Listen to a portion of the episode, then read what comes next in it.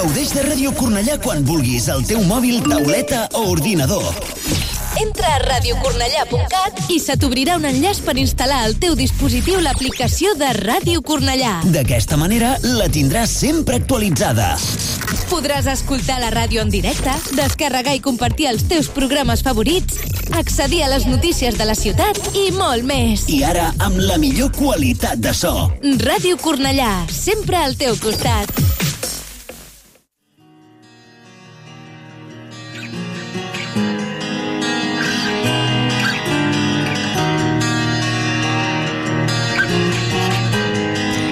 Radio Cornellá comienza el octavo día. Lo mejor del metal.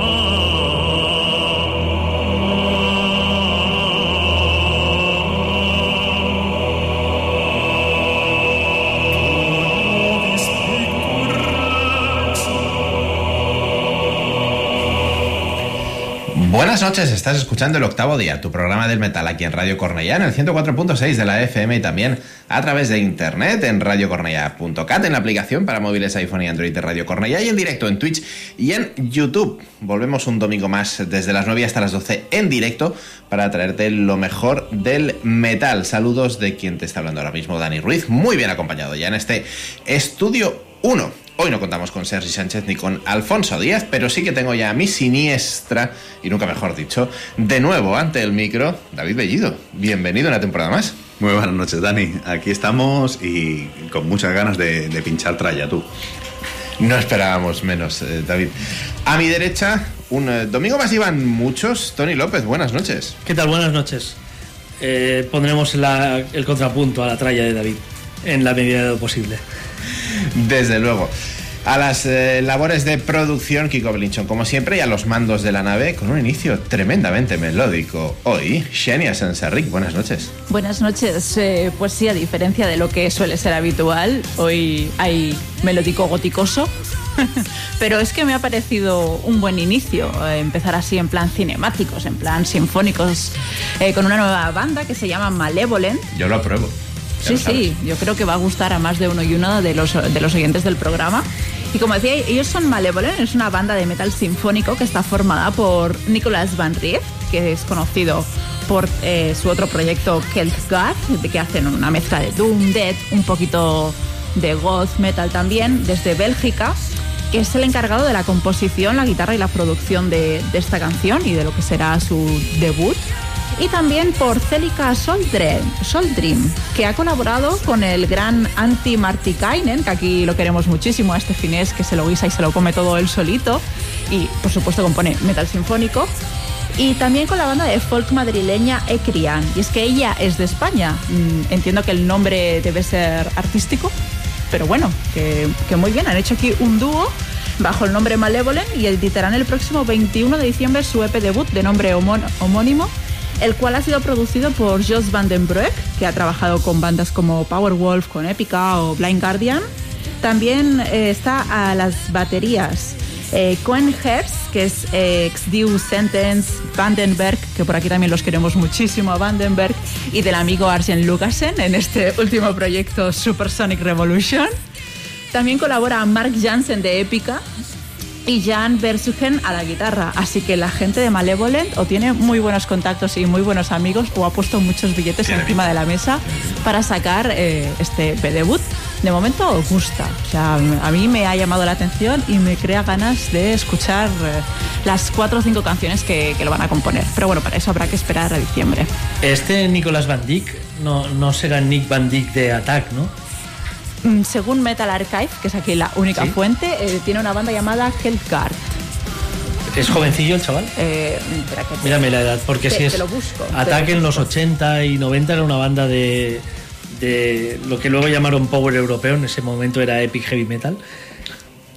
Y era Nick Van Dyck, el, bueno, iba a decir el líder, el todo prácticamente de Attack. A ver, no me pone la edad, pero por la fotillo parece Jovencillo, jovencillo. no es el mismo. Un poco No, no. más mayor que yo, pero jovencillo. No, no, lo, había- lo habías visto con el bigotón. Extremadamente. Extremadamente no. joven. No, no, era por coincidencia de nombre que digo que no. Me extrañaría mucho ver a, a Van Dyck en esto. Pero bueno. Pues no, casi. Se le parece el nombre, pero, pero no es el caso. Bueno, en Bélgica tampoco habrá tantos nombres diferentes, ¿no? Debe ser bastante. Es posible. Manolos y Pacos es posible que no, pero Nicolás, pues quizá tenemos unos cuantos. Pero bueno, vamos a seguir eh, con el metal. Ya sabéis que estamos en directo en Twitch, en YouTube y en las distintas redes sociales que son Facebook, Twitter, Instagram, todo arroba el octavo día 8, TikTok también, que no se me olvide. Pero ahora vamos a ponernos serios porque vamos a hablar de un festival que tendrá lugar muy prontito y que el cartel es una auténtica exquisitez.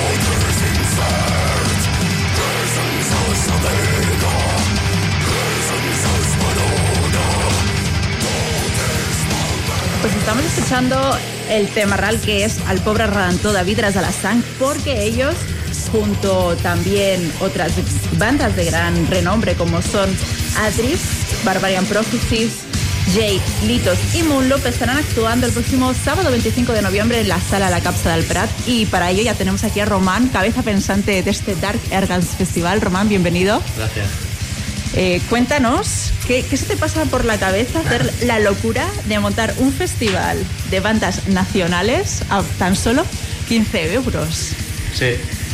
Bueno, en realidad el precio no, no es tanto obra mía, porque al estar como supeditado por cultura del Ayuntamiento del Prat, ellos intentan que sea lo más social posible, o sea, que abarcar que la gente pueda, que sea accesible. Y lo del precio no es tanto asunto mío, pero bueno, lo que te digo, eh, intentar acercar ese metal underground que tenemos tan grande y, y tan bueno, intentando con una sala buena, que la gente pueda disfrutarlo, no en los típicos sitios donde se escucha mal y, y cuesta tener un reconocimiento ese tipo de música. Y la idea sobre todo era conseguir como una sala con esa calidad y a partir de ahí trabajarlo. Y luego ya es un puzzle que va saliendo con suerte y con trabajo. Y... ¿Y no te da un poquillo de apuro eso de hacer un festival fuera de Barcelona, sabiendo que la gente de Barcelona le cuesta mucho mover el culo para salirse de su queridísima ciudad? Pues sí, es un punto, sí. Pero al final yo creo que la gente del metal tiene que demostrar que realmente si le importa o no le importa esta cultura y, y son ellos los que tendrán que, que votar eh, moviéndose. Porque al final hay una parada de metro delante. No, no, recuerdo cómo se llama, lo siento, Camelia, Mira, me parece, te lo, te lo línea digo ahora 9. mismo. Es el metro, la línea 9, la parada de las Mureras. Las Mureras. Está Eh, justo enfrente. Sale y delante tienes la Capsa. La Capsa tiene un bar-restaurante brutal con una terraza gastronómicamente accesible para cualquier bolsillo. La Capsa es una sala de conciertos alucinante con un equipo brutal. Si quieres escuchar un buen metal, solo tienes que estar 25 minutos en el metro y estás allí por 15 euros anticipada y vas a ver unas bandazas nacionales. Así que ya te digo, que decida la gente si le interesa o no. Yo ya no puedo hacer más que eso.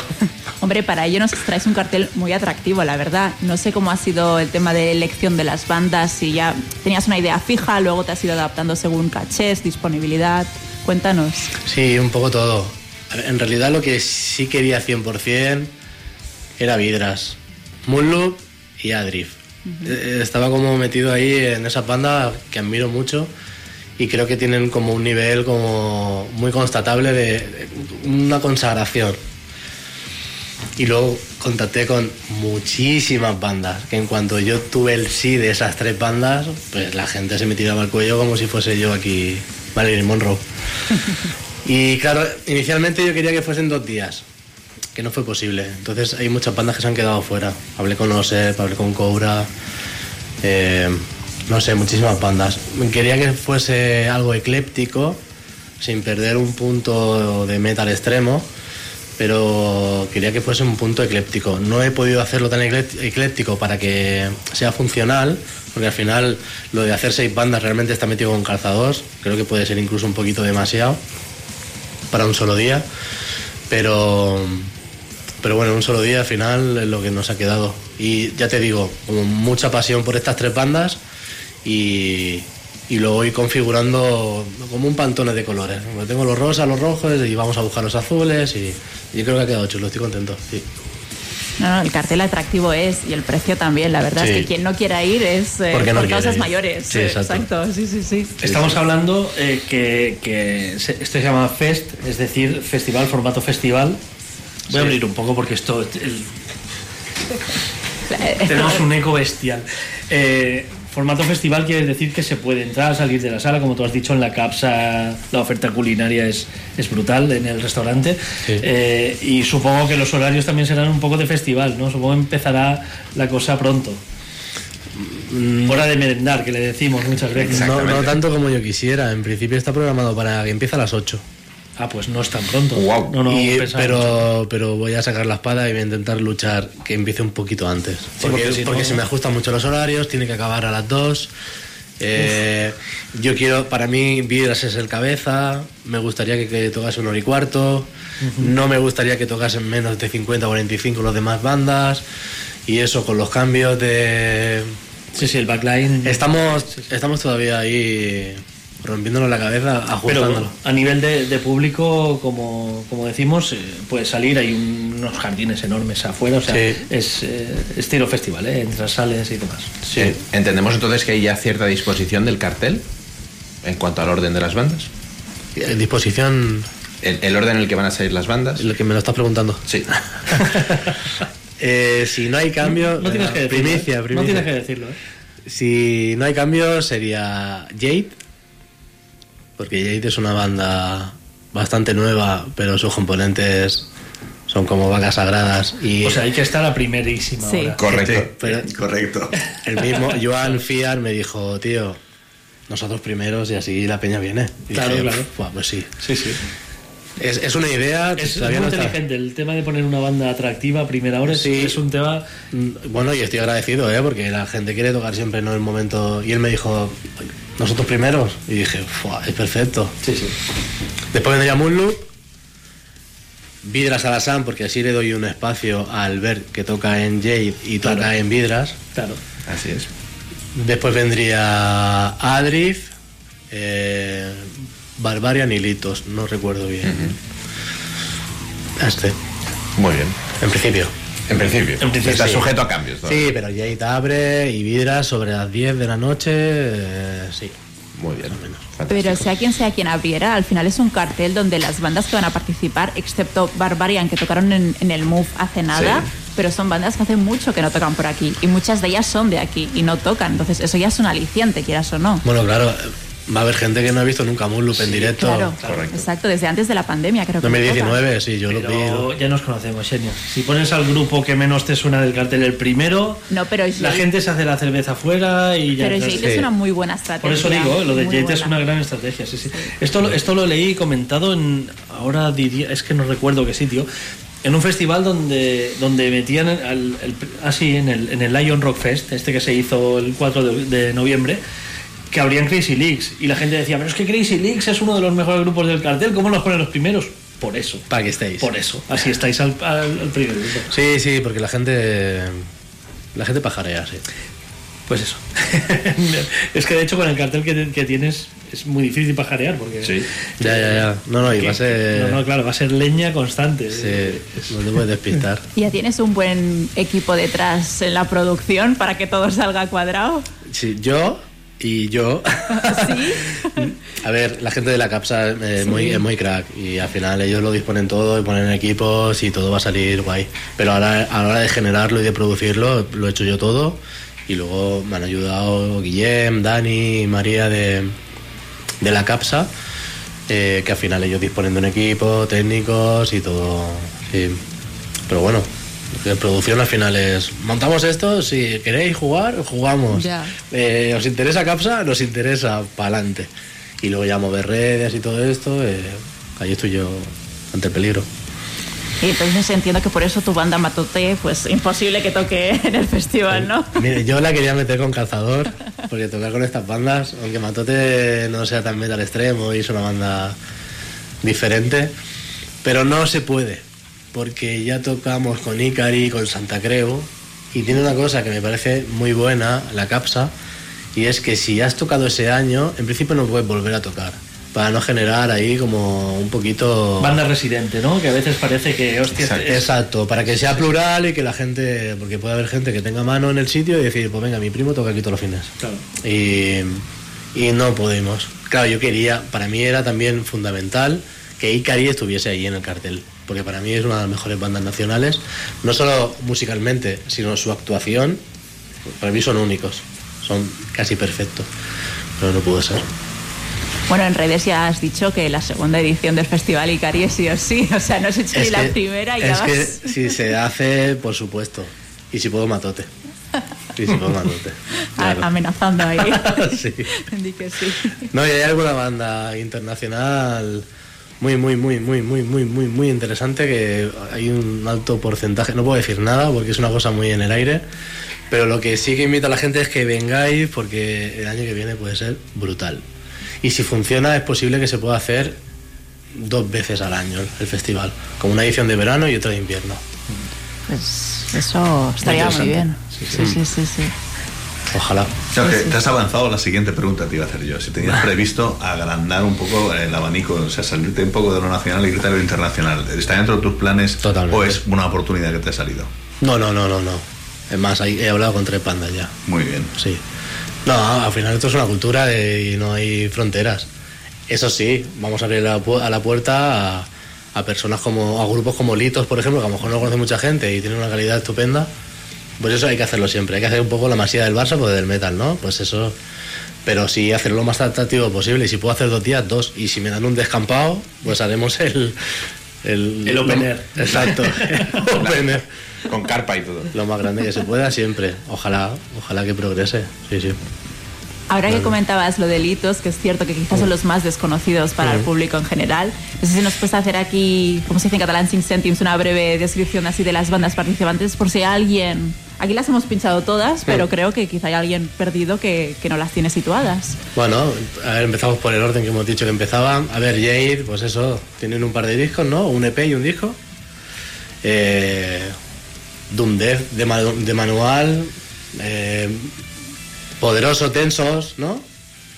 Yo creo que manejan bastante el ritmo Doom. Mezcla con el Den bastante. Creo que tienen el sello bastante marcado. Pero con, con elegancia, porque además ellos vienen de Foucault, de Vidras, de Graveyard, son elegantes. Eh, Moonloop, pues de Metal Pro, lo más cercano a Opeth, ¿no? Que podemos tener aquí, eh, con Eric, un virtuoso de la guitarra, composiciones virtuosas, eh, cambiando a, melodías y ritmos sin gutural. Bueno, un atractivo excelente. Vidas a la Sam, ya lo sabemos. Este black metal que se va transformando cada vez más en prog. Eh, y, mm, y con un universo bastante único, porque al final es como que recita Eloy, ¿no? No canta, es algo especial, Vidras. Adrift, mm, no sé, pues metal slash, ¿no? Estarían andando por ahí. A mí es una banda que me parece única, porque Tienen me parece muy, que... tienen muy buen directo. Sí, tiene un directo. Yo solo los he visto una vez con Udol. Tengo- Tengo la camiseta de Udol, que son amigos. y me pareció brutal. Y sí, pues metal, slash. Barbarian, death metal melódico, ¿no? Estaríamos hablando de algo así. Algo técnico a veces. Y Litos, pues es que es una cosa también bastante única. Porque sí que canta muy scream, y, pero hay como una especie de black metal pro, onírico. Hay que escucharlo para etiquetarlos. Sí, no sabría cómo etiquetarlos bien, pero son, son profundos y elegantes. Y además sus letras caminan en una dirección filosófica, porque Litost quiere decir algo que no me acuerdo ahora, pero que estaba muy guay y como hay un contenido, hay un pozo, no es solo música y hay, hay un contenido. Y estas son las pantallas. Por encima. Y ahí yendo a una pregunta un poco comprometida, eres libre de contestar o no, a nivel de financiación, es decir, ¿todo sale de tu bolsillo? Nada, sale de mi bolsillo. ¿Nada? No. Me- la CAPSA lo bueno que tiene que ellos disponen de, o sea, es del Departamento de Cultura de- del Ayuntamiento. Y ellos tienen eh, un presupuesto de cultura y, y van, van a, tienen propuestas y eligen unas u otras. Y esta propuesta les gustó. Si no, a lo mejor no hubiese existido. ¿eh? Porque tampoco que sean números estratosféricos, pero son números. Son números. Son sí. números. Y no, no, no pongo bolsillo. Gracias a Dios no lo pongo. Si no, no sé si hubiese podido hacerlo. Pero sí que es verdad que dicho esto, tiene que ser. Tiene que funcionar. No es un dinero a, a saco roto. A, bueno, eh, aquí vendemos este dinero y que funcione. No, no, está pensado para que. Para que sea retributivo. Igual que no te lo juegas, no te lo ganas, no te vas a hacer de oro porque vaya todo el mundo. No vienes aquí a vender tu, No. tu pescado para No. que te compremos entradas y hacerte tu de No, oro, no. sino es un tema, es por amor al arte, nunca mejor Sí, dicho. Es, sí. Y bandas que a ti te gustan y que te motivan, es decir, es un proyecto Totalmente. más artístico que para nada monetario. No. Está, está muy bien, ojalá se pudiera hacer más esto de sin tener que arriesgarte el patrimonio, poder, poder montar. Es de agradecer. La CAPSA es de agradecer que tenga este tipo de, Sí, sí, desde De iniciativa. Es más eh, de la CAPSA que no del Ayuntamiento del Prat, por decirlo de alguna manera, ¿no? Claro, porque al final la CAPSA tiene un proyecto cultural que lo maneja una empresa externa, pero que manejan un, un presupuesto público. Entonces llevan todo lo, todo lo Sí, pero hay, cultural. hay una asignación del ayuntamiento, digamos. Exacto. a esa- Claro, claro, claro.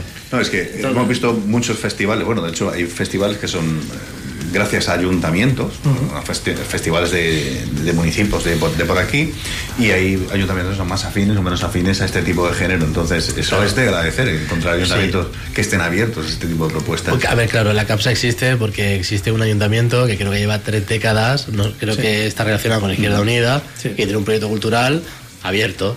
Entonces, claro, al final todo es política en la vida. Y si tú puedes apostar políticamente por, por un espacio cultural de mente abierta, siempre vas a llegar a espacios. Así se generó la CAPSA. La CAPSA es un sitio brutal. Tienen locales de ensayo, estudio de grabación, que la gente puede acceder por 10 euros la hora, me parece, hacerse su maqueta, su, es un espacio cultural que jamás te lo va a traer Vox y jamás te lo va a traer. Te lo puede cerrar por eso. Te lo puede cerrar o quemar.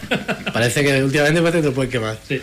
Y jamás va a nacer si no hay un proyecto político que, que pueda durar en el tiempo para poder pensar en cómo expandir la cultura, cómo repartirla, cómo. Es evidente. Eso siempre de agradecer. Mucho. Sí, además es un- una. Bueno, lleva, lleva muchísimos años porque ahora, batallita de, de veterano, yo vi a Mona Marza ahí. En, sí, en ¿eh? el Festival de Yo vi a Mon Circus. Amar tocar en la fuerte. Capsa. Claro, estamos hablando de una banda que ahora mismo es San Jordi Club para arriba Total, y total. encabezando festivales. Total, total. Y lo vi, la primera vez que yo vi a Mona Marza era la Capsa. Eh, Bueno, claro, yo- desconocía la existencia de la cápsula totalmente. A mí, yo quería hacerlo en la sala Upload, que es pequeñita, pero sé que el técnico de sonido es muy bueno, siempre ha sabe de sonado- metal. En el Caña Sí, siempre lo contratamos. Claro, y, y siempre ha sonado bien. Los, los- Sí. los mejores directos de Sabe Matote han sido con este chico. Sí. Pero hoy me llamó de Vidras y me dijo, tío, se nos queda un poco corto. Y no sé si sabes que ha habido un concierto de Oser. La Capsa era un, un sitio que culturalmente se hacía metal, pero se dejó de hacer. Parece que se vuelve a hacer. ¿Qué te parece? Le dije, pues que no sé ni lo que es la Capsa. Déjame investigar. Y tuve la suerte de poder acceder, porque no me contestaban. Conseguí acceder. Y hubo un feedback estupendo con Guillem, que fue el que me atendió. Y tiqui, tiqui, tiqui, tiqui. Pero vamos, que la idea fue de Eloy. Y creo que a Eloy se lo dijo Pau de Blue Flyer Death, que le dijo, "Mm, allí puede estar guay. Que al final montar una cosa no es tú, tú solo. Tienes suerte, la gente te ayuda. Y es un Sí, poco claro. eso. Esto, esto va un poco a lo que comentábamos antes de lo de ir al Prat desde Barcelona, que mucha gente ni siquiera conoce que hay en el Prat una sala brutal Sí, sí. como es la Capsa. Es- Y un es- restaurante que de verdad está muy rico, que hemos estado Hemos todos estado allí, correcto, maquinando las de preproducción. metal. Porque está muy rico. Exactamente. o Sí, sea sí, que- y hay opción vegana, si no recuerdo mal, porque Sí, está bajero. sí. O sea, Sí, que sí, hay opción vegana. correcto. bueno, unos nachos ahora te hacen en cualquier sitio. Bueno, pero comer bien y cenar bien siendo vegano, que eso a veces es No, no. difícil, entonces, No, importante. ¿Qué pasa, no? Que vas de concierto y dices, mierda, empieza a las 8. Claro. Te has comido un durum de mierda o te lo comes luego a la una y es como. Yo no sé, me estaré haciendo muy viejo, ¿eh? No, no, Pero yo soy igual. Yo eh, me cabreo. Digo, joder, no puedo cenar con dignidad, tal. Y pues me parece súper interesante ir y poder disfrutar de, de estar bien, de comer sí. tranquilamente, cenar y bueno, de tener tus, tus tiempos. El problema será hacer encaje en el calendario de actuaciones a qué hora me voy a cenar. Sí, pero A lo bueno. mejor merienda, merienda fuerte, a lo mejor es la opción, ¿no? Sí. Y luego cuando ya veremos, ya ahí habrá que hacer cábalas. Eh, vamos a escuchar un poquito de Moonloop con Megalodon, que hace muchísimo que, que no escuchamos a Moonloop y vamos, eh, son una banda muy infravalorada porque los son buenísimos y en directo también.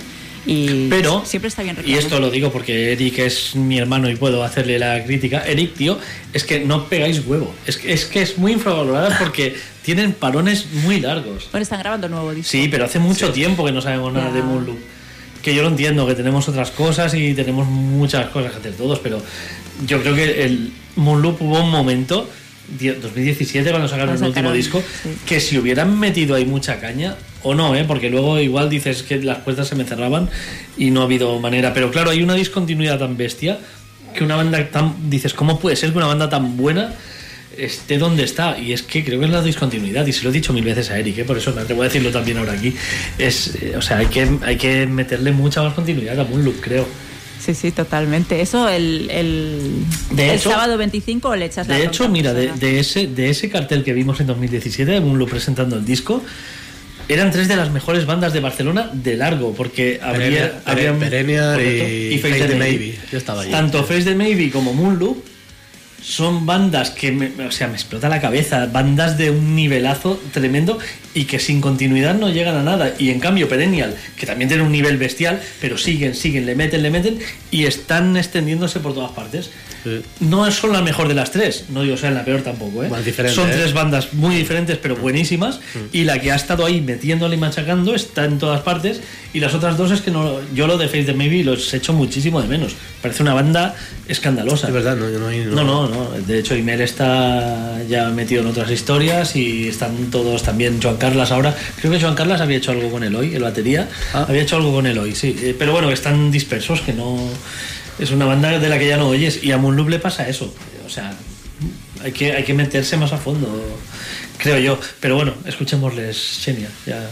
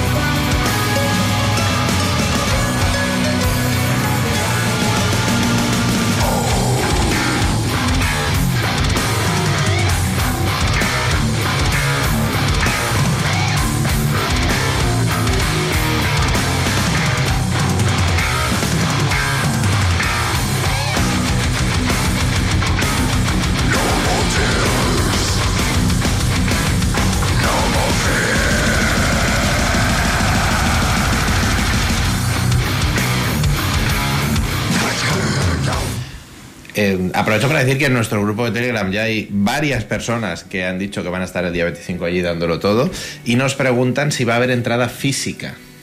Que hay mucho coleccionista en nuestro grupo. Es una buena pregunta, ¿eh? Pues te la trasladamos ¿Y la aquí y respuesta? ahora.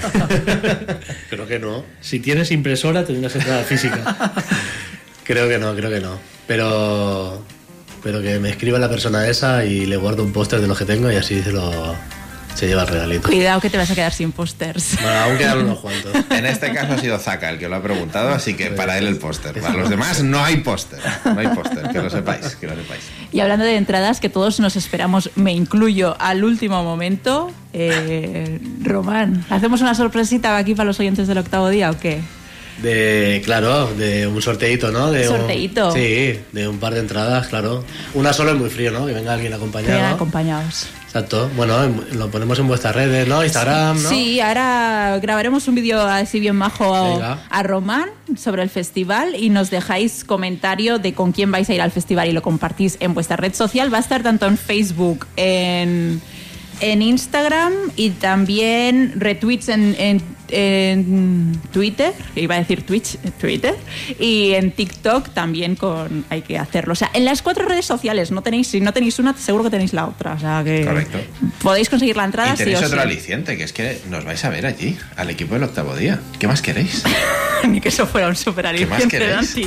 Dani, el aliciente es la comida que hay y las bandazas que hay, hombre. Nada, Nosotros, segundo plano total. Mierdas, total. Total. Lo que mola es la música, que es un cartelazo brutal con Adrift, Vidras de la Sang, Barbarian Prophecies, Jake Litos y La Moonloop. verdad es que es bestial. Cuando lo dices de corrido es, Es bestial. que ¿eh? es brutal. Entonces, vamos a hacer, hacer esto en breve a partir de mañana, hoy no, hoy nos escucháis el programa tranquilamente. Mañana, a partir de mañana, primerísima hora, ya tendréis disponible un post respecto al festival con Román aquí hablando sobre el sorteo. Y tenéis para participar hasta el próximo domingo, día 19, a las 9 de la noche, y así decimos, hacemos el sorteo en directo y lo decimos en directo al ganador o ganadora junto al acompañante, así que atentos a las redes. Pues nada, Román, muchísimas gracias por, por el sorteo por, y por estar por aquí y hablarnos del festival que tenemos muchas ganas de que triunfe y de tener más ediciones, la Gracias, verdad. gracias por abrirme el micro. Muchas gracias. Nada, a ti por venir. Yo tengo ya ganas de que sea el sábado Desde 25 luego. y disfrutarlo. Y que salga muy bien y que haya más Fest. Eh, que lo vaya. Fantástico, pues eh, mientras nos despedimos de Román, vamos con más metal aquí en el octavo día. David, ¿te has traído algo Hombre, sí. el- inconfundible desde el título, vamos Eh, a decirlo así? Eh, sí, a ver, el otro día se, se hablaba aquí en el programa de bandas que cantaban en su, en su lengua materna, ¿no? Y, y poníamos algunos ejemplos y uno que a mí se me coló cuando lo estábamos poniendo en Twitch fue precisamente, voy a intentar decirlo bien, espero que Sonia no se enfade conmigo, Kaunis Kuolematon. No sé si os suena, pero estos finlandeses, ¿vale? Tienen, tienen un historial desde 2012 eh, y tienen una serie de trabajos que al que le guste el doom atmosférico o algo así muy con toques góticos, death metal. Vamos, es, es algo estupendo. Lo que pasa es que cantan en finlandés. ¿Vale? Por lo tanto, el nombre es en finlandés, que Kaunis Kuolematon viene a significar belleza inmortal. Y el tema que vamos a pinchar, que forma parte de eh, el trabajo que publicaron eh, hace dos semanitas, el, el 13 de octubre, ¿vale? Que consta de 57 minutos divididos en 8 cortes, unos cortes de 6 minutos cada uno más o menos, ¿vale? Y este en concreto es el que le da nombre al disco, se llama eh, Miel en Balta, que significa el poder de la mente. Qué bonito. Qué bonito.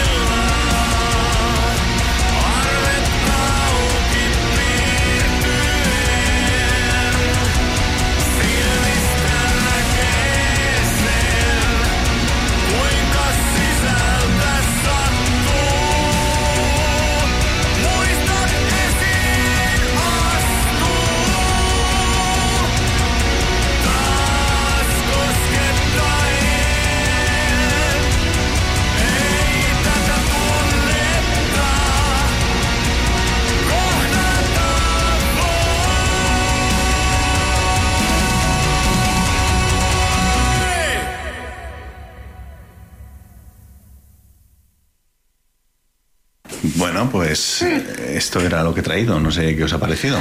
Gracioso, gracioso. Para Dani, gracioso. Bueno, no. Y a ti te ha dado frío. A mí me ha dado frío. Es frío de Es una canción que me ha dado frío. cojones, Sí, sí. casi me pongo la chaqueta. Yo, como- te decía, y además, lo- no sé si fue la semana pasada que lo dije, me atrapan estas voces profundas que declaman de esa manera, me, me atrapan. Y me- te lo he dicho, me esperaba que en un tema así, de una banda así. Sí, es como muy- hubiera- sí, sí. Sí, sí. Ah, Pues nada, no tengo nada más que añadir. Es que, Fantástico descubrimiento, David. De verdad que sí. no sé. Creo que habían sonado por aquí hace temporadas. Sí, Me sí, suena sí, que les habíamos traído. Y muy bien, la verdad es que creo, por lo que yo recuerdo, sigue la estela. Y lo que decís, te, te atrapa la voz, eh, las melodías y te transporta ahí a, en plan ponerte la mantita, un chocolatito caliente y disfrutar, en vez de con vino, con chocolatito calentito y la, y la mantita de, esta, de este tipo Así de música. Sí, sí, sí. No sería el. el- no sería el, el- o sea, lo que Alfonso elegiría. No, no, por supuesto. Alfonso, vino o cerveza. La copita de vino. y- Carecen, carecen de algo importante, se llama zapatilla. Correcto. Sí. No, no digo que no le gustase el, el grupo ni la propuesta, sino el, El chocolate. estilo, el chocolate. Eso es mejor para mí, todo para mí. Chocolate. Fantástico. Bueno, vamos a dejarnos ya de, de oscuridad y frío y, y cosas de esas. Calorcito, por favor. Que tenemos aquí a, a gente que también le gusta el calorcito latino. Vamos a escuchar Latino. música latina, por fin. Bueno, de América Latina. No, no, no. No, Latina. No, no. América. Estoy totalmente en contra del término América Latina. La Lazio es una región italiana. No es una región de Sudamérica. El latino es el habitante de la Lazio. Vale. Región italiana que comprende la capital Roma, entre otras ciudades. Tomo nota. ¿Vale? Entonces hablamos de música latina. Entonces en este hablamos de caso, música latina. Literal. Literal. Vamos a escuchar música latina en el Estos no octavo día. cantarán en latín. Desgraciadamente, en este disco no hay ningún tema que canten en latín o italiano. Ni están nominados a los Grammy latinos tampoco. No lo están, pero es, un- es Grammys latinos y no hay ni un solo italiano. ¿Cómo es posible? Es increíble, vamos. Inaceptable. Pues ya han criticado a Rosalía por estar, imagínate, los italianos. En definitiva, vamos a escuchar un poco de música latina hoy en el octavo día. Y para ello nos vamos al pasado viernes, día eh, 10 de noviembre, en el cual veía la luz Blackened Heartbeat. No os dejéis engañar por el título. No. es absolutamente nada Blackened el disco. Es lo nuevo de Secret Sphere, la banda liderada por Aldo Lonobile y que en palabras de, de su batería, Marco, un amor de persona, es el disco de los discos más complicados eh, con su instrumento que ha grabado y este hombre graba, eh, bueno, buscad Marco Lazzarini, no para de grabar discos uno detrás de otro.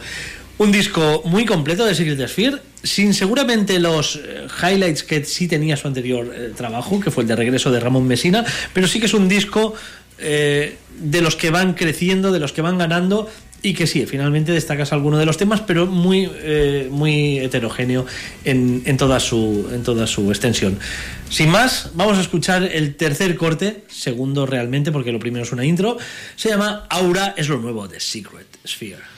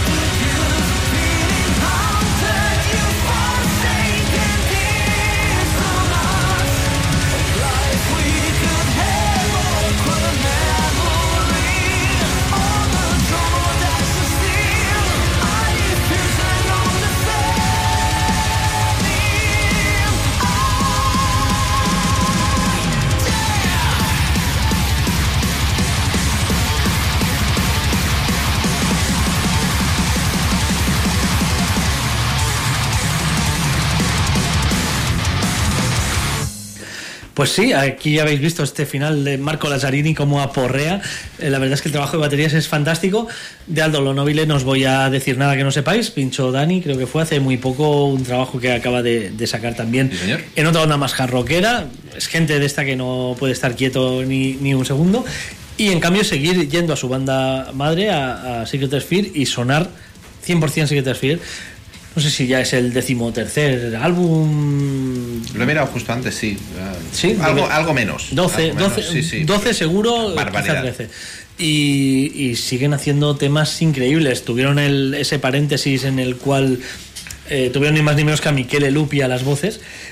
Grabaron dos discos tremendísimos con él y una regrabación del segundo disco que, que, vamos, eh, se hace muy difícil eh, ponerte en un micro de una banda donde ha estado Michele Lupi. Pero en cambio Ramón ha regresado. eh, claro, era, era lo coherente era traer al cantante de toda la vida de la banda porque cualquier otro hubiera sido un poco impactante. En este caso Ramón, bueno, ya lo veis, está en una forma magnífica. Mucho menos pero que cuando se fue de Secret Sphere, pero también lo tiene Aldo Lonovile. Hasta Marco se ha, se ha rapado últimamente, o sea que eh, al final solo queda Andrea Burato con su melena rubia en Correcto. Secret Sphere. Todos los demás ya eh, peinan poco. Siempre se dice peinan caras, estos peinan poco. Pero no afecta la calidad. Pero no afecta la calidad. Tú sigues escuchando este, ese Mistress of the Shadow Light del año 99 con el que debutaban, lo escuchas, escuchas un tema de este nuevo disco y lo único que notas de diferencia es que la, produ- la producción es bestialmente mejor. Pero básicamente el estilo y, y las cualidades eh, interpretativas están ahí, eh, intactas, eh, mejoradas de hecho. Secret Sphere, una banda Maravilloso. indiscutible. Por aquello de apostillar son 11 trabajos, aunque el, el- el 2015 es el, el de la, la regrabación de la Time Never Come Mm. y dos directos también, uno de ellos en Japón y una de estudio. El director de Japón maravilloso. One con Sí, sí. con Lupi haciendo temas de, de Ramón, mejorándolos por todos lados, que ahora los vuelve a hacer Ramón y los remejora él. Es- Ha mejorado. Dos cosas. ¿Ha salido ya el disco? Sí, Sí. el pasado viernes. El pasado viernes, Sí, sí. o sea, deberes, vale. Segunda cosa, el de Lupi, ¿qué hace ahora? Bueno, Lupi estaba con Whitesnake, como ya sabéis, que es el teclista oficial de Whitesnake. Y canta, no, perdón, teclista. No, cantante es Jelusic, que dice que él no quiere sustituir a Coverdale. Eh, está haciendo muchas cosas eh, a nivel teclista y demás. Estaba grabando algún proyecto. Tiene el proyecto abandonado, que era el proyecto eh, Los Ángeles, que era, que era un proyecto que decía. Bueno, parece que lo iba a recuperar, finalmente no va a poder ser. Y creo que está grabando un disco bajo su propio nombre, Ah. como Michele Lupi. un- Muy bien. Un disco en solitario. Michele, Creo, pero- Michele, perdón, Michele Lupis Heaven. Exacto, Michele Lupi Heaven, correcto. Y Que es su proyecto, sí. conceptual por ese nombre No, no, o no. ni idea. No, no, lleva, Lleva, lleva tiempo. tiempo con esto. Bueno, Sí, sí. pues eh, esperaremos a ver qué hace, ¿no? En solitario, este señor. Hombre, Siempre, sí, sí. Lo Sí. que, cualquier cosa que cante Lupi, la esperamos con ansia, sí. Yo voy a irme a mi primera ración de sentimientos encontrados de hoy y viro hacia Finlandia, ya que David ha estado por allí, pero desde una propuesta radicalmente diferente. Me voy hasta Oulu porque, y ya sé que soy muy pesado, ha salido también hace 48 horas el nuevo trabajo de los hard rockeros Temple Balls. Su disco Pyromite de 2021 fue mi disco favorito del año. Y luego me enteré, porque no los pude ver, fue, de hecho fue un domingo cuando vinieron teloneando a Hit en la última gira, que estos señores, que habían hecho uno de los mejores discos de hard rock de la década, hicieron playback, ¿En serio? teloneando a Hit. No em, pudimos, estuvimos escudriñando, el- hubo un- dos, tres personas eh, amigas del octavo día que en, en el grupo Telegram nos dijeron que estaban flipando porque era un playback clarísimo. Estuvimos escudriñando, no sabemos si es que hubo algún problema de algún tipo, pero claro, el bajón fue Hombre, claro. importantísimo, importantísimo. Menos mal que al final no me pude plantar allí a, a verlos. Ahora han regresado con Avalanche y tengo que decir que desde luego me parece que está dos o tres peldaños por debajo de Pyromite. Aún así querido traer un tema para que nadie diga que soy rencoroso, pero salgo y, y de hecho creo que salimos en conjunto hacia un tema que va a flirtear mucho más con lo que hace tiempo que no suena en el octavo día, que es una balada. En este caso no es que sea una balada, pero sí vas, eh, vais a ver que ve mucho más por ejemplo, de ritmo, sobre todo al principio, de lo que sería el blues. La nueva propuesta de Temple Balls suena así, esto es Stone Cold Bones.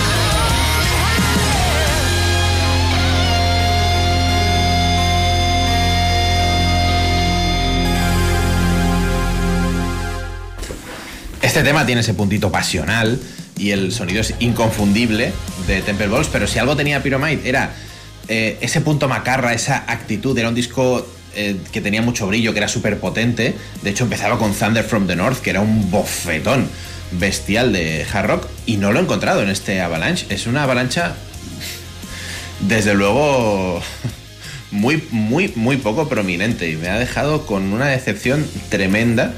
No por el hecho de que hicieran playback en directo, que ahora lo estábamos comentando, David sigue Yo alucinando. creo que te sigue ello. doliendo eso. O sea, es algo que duele. Yo te entiendo, Dani. No, no pasa Me nada por flipa aceptarlo. mucho. No, pero realmente veníamos de un disco superlativo y este les ha quedado un poquito desbravado. Se puede recuperar algún tema, pero también lo que hacen las expectativas. Claro. Lo coges con muchas ganas y luego no es lo que esperabas y evidentemente se te va a quedar por, por debajo. Aún así, si os gusta el hard rock eh, nórdico, dadle una escucha porque tiene cosillas destacables. O sea que este no va al top 2023. Desgraciadamente no, y mira que el otro fue el 1 Wow. del 2021. Este no va a entrar, este no va a entrar. No se debería un downgrade tan grande de... Bueno, me voy a callar. Sí, sí, No quiero herir a nadie. Cor- Correcto. ¿Cómo sois? Pero bueno, fijaos, esto lo hemos hablado muchas veces y no es eh, propio solo de Finlandia, pero en 20 minutos que dos propuestas del mismo país tan Bueno, distintas. espérate ahí, las que faltarán. No, no, creo que alguna más cae. Claramente, claramente. Pues yo sigo, pero no me voy a ir a Finlandia, me voy a ir a Portugal, porque el pasado 3 de noviembre de 2017 vio la luz el duodécimo disco en estudio de los portugueses Monspel, una banda que queremos muchísimo y que hace mucho que no suena y por eso me apetecía recuperarlos. Y ya está. Claro, no, no tiene otra. Y realmente pensaba y estaba escuchando el- su disco 1755, ese disco conceptual. Mi preferido.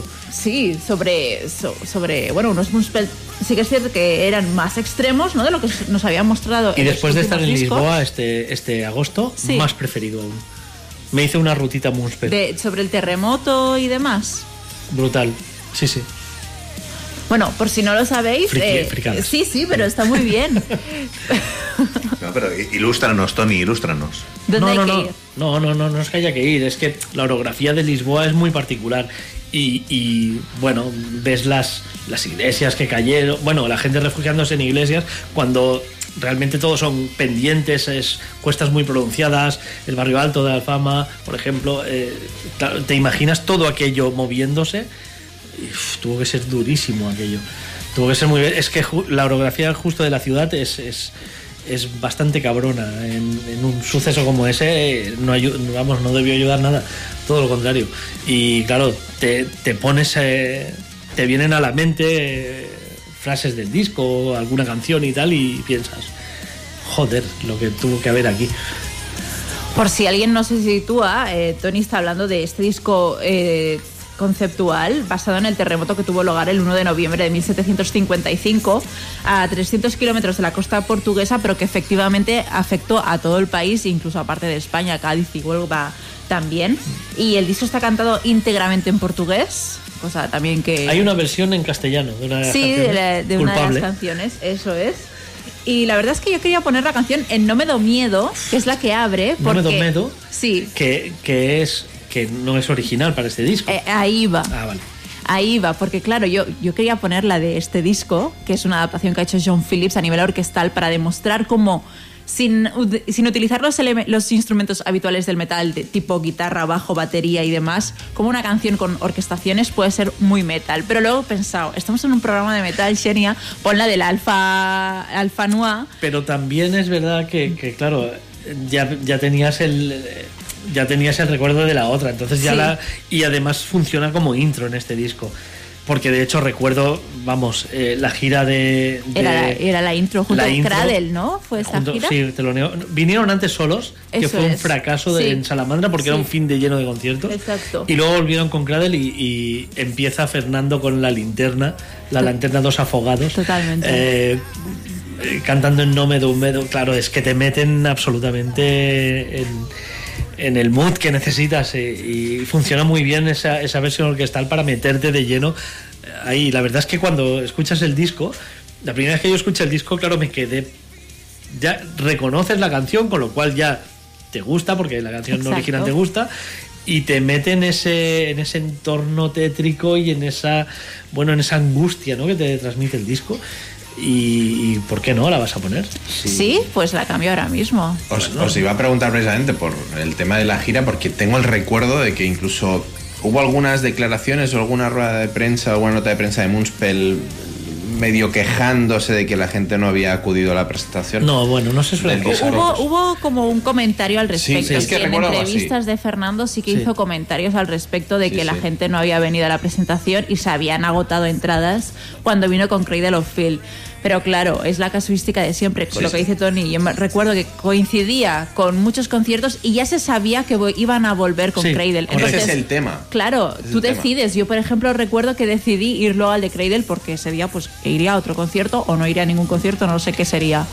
Y no sé en ese caso, porque me consta que esta- estas últimas giras de Cradle han estado muy bien, pero yo cuando vi a Moonspell girando con Cradle, que presentaban el Ninfetamin, Hace mucho, 2, 2004, os garantizo que el cabeza de cartel fue Moonspell y con una diferencia abismal. Pues mira, te diría que Cradle, la última vez lo hicieron aún mejor. Pero ese, ese día con Moonspell fue la mejor vez que yo había visto a Cradle, se han superado. Y Moonspell fueron mejores. O Claro, sea, claro.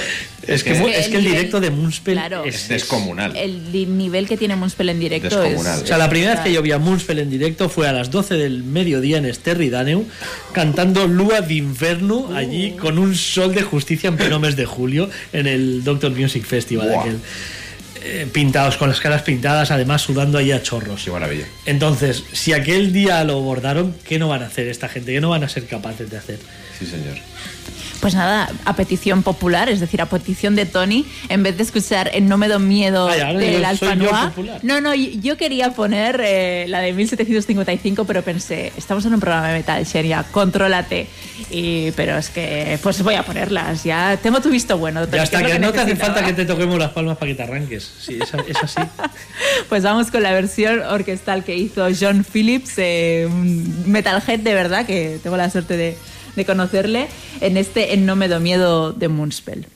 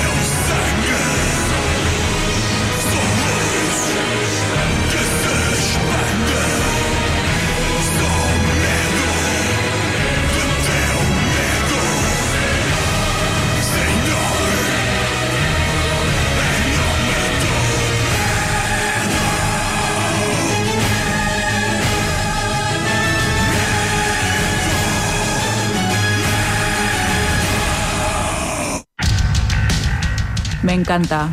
Yo, el metal sin guitarras eléctricas no existe. Fernando Ribeiro, aguántame el cubata. Exacto. Bueno, John Phillips en este caso, que Fernando con tanto a John, pero sí, aguántame el cubata, total. Bueno, Fernando dijo, súgatame el cubata y marcó el número de John. Exacto. y ya está. y tienes esta pedazo versionaca orquestal es que es, es brutal, me puede, me puede. El disco en sí, como tú decías, 1755, creo que es de los mejores discos de Moonspell, sobre todo en los años más em, cercanos. Pero es que este tema es brutal. es brutal. Ahora lo hablábamos hace rato. Además, una banda eh, que en directo te mete en su, en su historia y te atrapa. Yo recuerdo la, la vez más crítica que he visto a Moonspell, y crítica quiero decir que me lo marqué como hora de cenar, fue en el Machina. Que venían Hace con muchos el, años de eso. Sí, 2000 y poco, que venían con Butterfly Effect, que era un disco que no me gustaba nada. Y pensé, "Pff, o sea, pasó.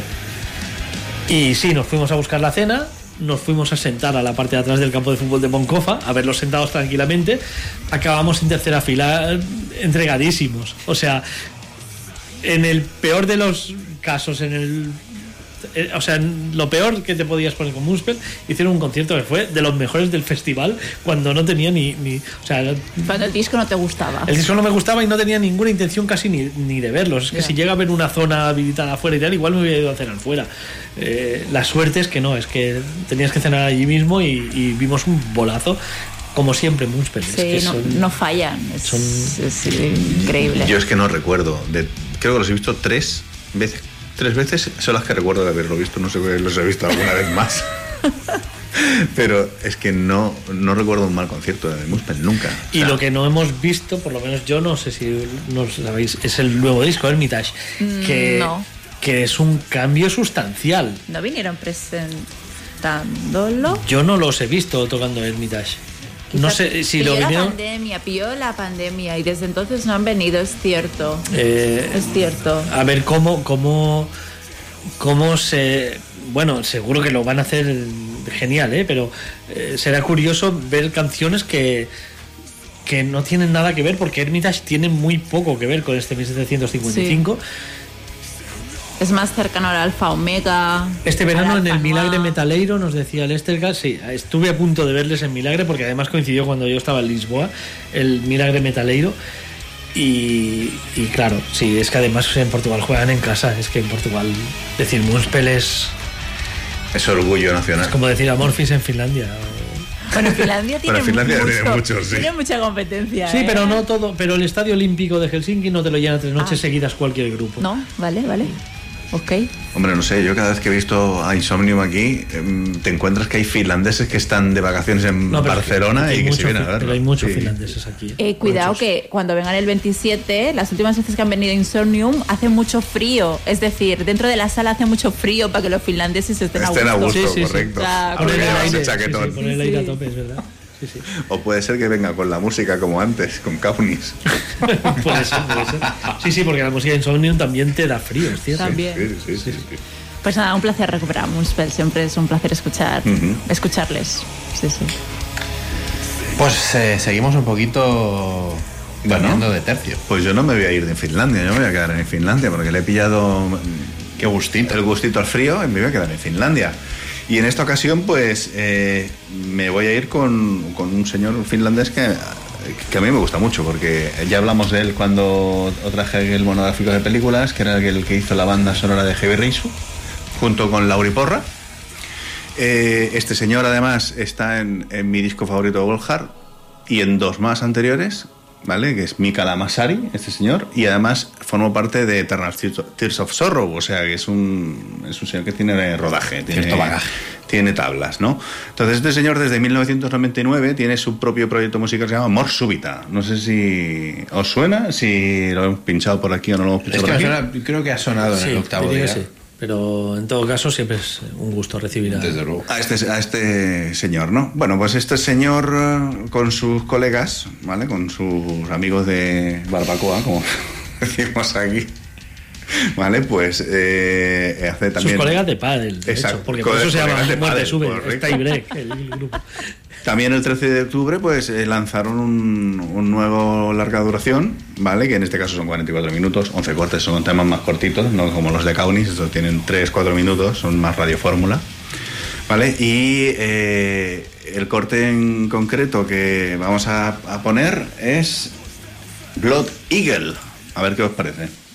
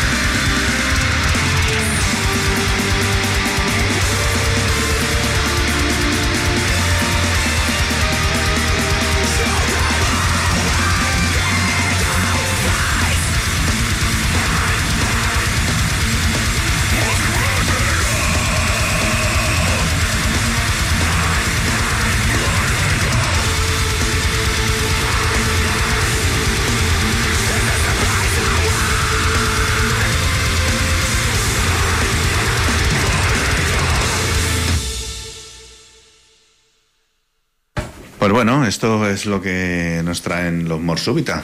Eh, como diría nuestro gran amigo Alfonso, zapatilla también, estos traen, ¿eh? Joder. Un par, un par de zapatillas. Sí, sí, pero no, no trasera, un poco más cañera. Finlandesa, zapatilla finlandesa. Exacto. Zapatilla del frío congelada. Ahí con el hielo, pa, pa, pa. No, no, muy, muy bien recuperar esos No, es- estos señores pues combinan la caña con cosas muy melódicas y, y les funciona esta fórmula. O sea que, no sé. Sin más. Tony, Bueno, pues eh, yo me voy a ir a- a- al proyecto de Nimkork, que es un señor, es un señor holandés, Nimkork. Un señor holandés que ya le podía haber puesto así de nombre a su proyecto porque el grupo se llama Shilmagognar. Y hay no sé muchas H's, hay muchas H's en No medio. sé qué es muchas. peor. Bueno, Shilmagognar. Hostia, Hay dos. H's. Bueno. Shilmagognar. eh, No, no tienen ese sonido en Países Bajos, creo. Bueno, pues es que no es Países Bajos, es Holanda. No. Sí, aquí lo Holanda. So- South Limburg, Holanda. En este caso, que es South porque ya es bajo. Los que ya son bajos no hace falta ponerle el Países Bajos, ya se sabe que Es están doble bajo, ya es para arriba, ¿no? Es, es redundante Anda. decirle bajo Anda. a South Limburg. Pues este señor, eh, como os digo, tiene su proyecto, su One Man Project, eh, en el que, bueno, nos, dio un disco absolutamente tremendo en 2018 llamado Transcience, que os recomiendo muchísimo. Si os gusta lo que vais a escuchar ahora y le dais una oportunidad a, a este trabajo, os recomiendo mucho que regreséis hacia, hacia el Transcience. Es de esos discos que muchas veces comentamos que hacemos el top anual y el año siguiente o dos años después dices, hostia, esto es de 2018 y cómo no metí esto en mi top. Si era además de los de, los altos, pero claro, no conoces toda la música ni escuchas todo lo que lo que deberías, porque es imposible básicamente, sobre todo en estos últimos años y con, con las plataformas digitales aún más, porque tienes todo a tu alcance y no se llega. Bueno, pues os quiero presentar a estos Shilmagognar, que no sé si he puesto antes aquí, porque aquel Science eh, estuve muy viciado un verano y no sé si fue. Creo que no lo he puesto aquí nunca. Yo creo que nos acordaríamos del nombre. Eh, pues puede ser. Es bueno, nombres más, nombres más chungos hemos puesto. ¿eh? Eso es verdad. Convergence se llama el trabajo que editaban el pasado viernes, al igual que el de Secret Sphere, que no estarán en el top mensual de noviembre, porque yo os dije la semana pasada que Graven Sin y Angra tenían muy difícil que les muevan la silla, aunque el viernes que viene DGM tiene algo que decir aún. Esta gente que, que después de escuchar eh, el disco, eh, bueno, lo- los califican de blackened death metal atmosférico y progresivo, no es nada de eso. No es nada de eso, o sea, no hay ningún grupo de death metal que suene así. Sí que hay pasajes de black melódico, sí que podemos encontrar algún pasaje black melódico. Que las voces sean guturales no quiere decir que sea death o sea black. Yo esto lo veo más un proyecto de, de- no, es que no sabría ponerle un estilo a esto. Es mejor que lo escuchéis. Es muy difícil escoger un tema porque además los temas son muy distintos entre sí. Se abre el disco con un tema de más de 10 minutos totalmente instrumental y totalmente disfrutable. Incluso si decís es que a mí me aburre un tema instrumental, to- es, tiene una de cambios de ritmo brutales que es súper disfrutable y que te anima a, seguir adelante. Y en el disco pues encontramos eh, cañaburra o incluso... hay una canción, por ejemplo, que, que parece una sintonía de un programa de Iker Jiménez. Sí, sí. Pero todo ello englobado en un sonido, pues sí, quizás es black metal atmosférico, lo más cercano, pero muy limpio, guitarras muy limpias. Bueno, os voy a dejar sin más que escuchemos eh, uno de los temas que primero se te enganchan de este nuevo trabajo. Como digo, se llama Convergence, el disco. Shilmagognar es el nombre de la banda y el cuarto corte es Strata.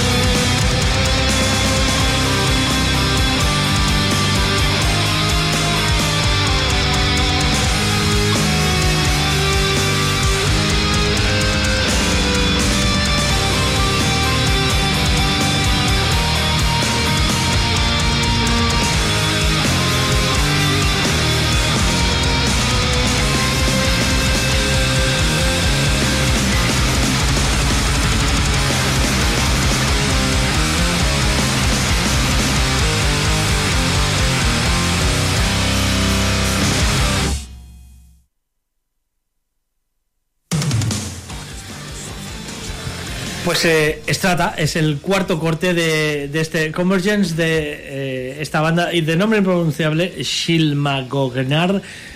Ya nos decía Lester en el chat que sus dos primeros discos son tremendos. A mí el primero no me llamó tanto la atención como el segundo, Transscience, como os digo, recomendadísimo. Y también este nuevo Convergence. Eh, tras esta, por ejemplo, viene eh, Garden of, Gardens of the Erased, que es otro tema instrumental también, muy diferente al, primer tema, que, es I Heard the Mountain Whip, que es el tema de 10 minutos instrumental que abre, que os decía antes. En definitiva, un disco pues, muy entretenido, muy entretenido y que, que realmente lo comentamos en el chat, en esa locura de novedades que salen los viernes, lo, lo puso Javi, Javi Salinas, que nos pone ahí un montón de discos cada Un viernes. montón. Pero un montón. Y, Imposible seguir el ritmo. y justo yo es, es de lo primero que escuché el viernes este disco. Bueno, escuché primero Secret Sphere, por supuesto, lo tenía mi, mi ranking y este era el segundo. Y lo escuché con el, creo que con todavía con el subidón de Secret Sphere puesto porque eh, me costó. Pero lo dejé reposar un rato, lo volví a escuchar y ya estoy atrapadísimo con este disco. Me jode de sobremanera que haya salido en un mes de noviembre en el que no va a poder estar en los destacados del mes. Pero este mes voy a tener que hacer eso que no quiero, Xenia. Que es hablar de más de dos discos en mi parte de vídeo que quiero que sea muy corta y, y esta- este mes voy a tener que hablar de, cuatro o cinco. De dos a minutos lo vas a tener que alargar a cinco. No, quizá. no, no, no, no, tres, como mucho Bueno, pues tres. a tres. Total, Alfonso y yo siempre hacemos cinco, así que. Por eso tengo que contrarrestar y vuestro más, paliqueo. vez, y más. Mm. Alguno de siete ha habido por ahí. Ha habido, pero hace tiempo que no. Yo algún vídeo he visto mi entrada, la de Dani, y he visto, llevamos 5 minutos y esto dura 27. Hemos hecho ¿Qué 5 ha minutos pasado? Dani y yo y, y quedan 22 más de vídeo. ¿Qué pasa aquí? Correcto. Alfonso y yo culpables, eso es lo que hay. Pues nada, seguimos. eh, voy a aparcar una propuesta que traía de black metal para no. para desengrasar un poco. Déjala para la última hora porque estaremos solos y, va a haber poco black metal hora. muy poco, muy poco. Me voy a ir hacia Osaka para recuperar a una banda. Bueno, recuperar no, porque de hecho es, es una de las bandas japonesas que no he pinchado todavía en, en el octavo día. Se llaman Steel Emblem. Y en 2018, con Fight Against the Destiny, sacaron el que probablemente fue uno de los mejores discos de power metal del año. Sí, la has pinchado. ¿A Steel Emblem? Maldita Y sea. tanto que la has pinchado. Pues los voy a pinchar de nuevo. Adquirí el disco por culpa de tu pinchaje.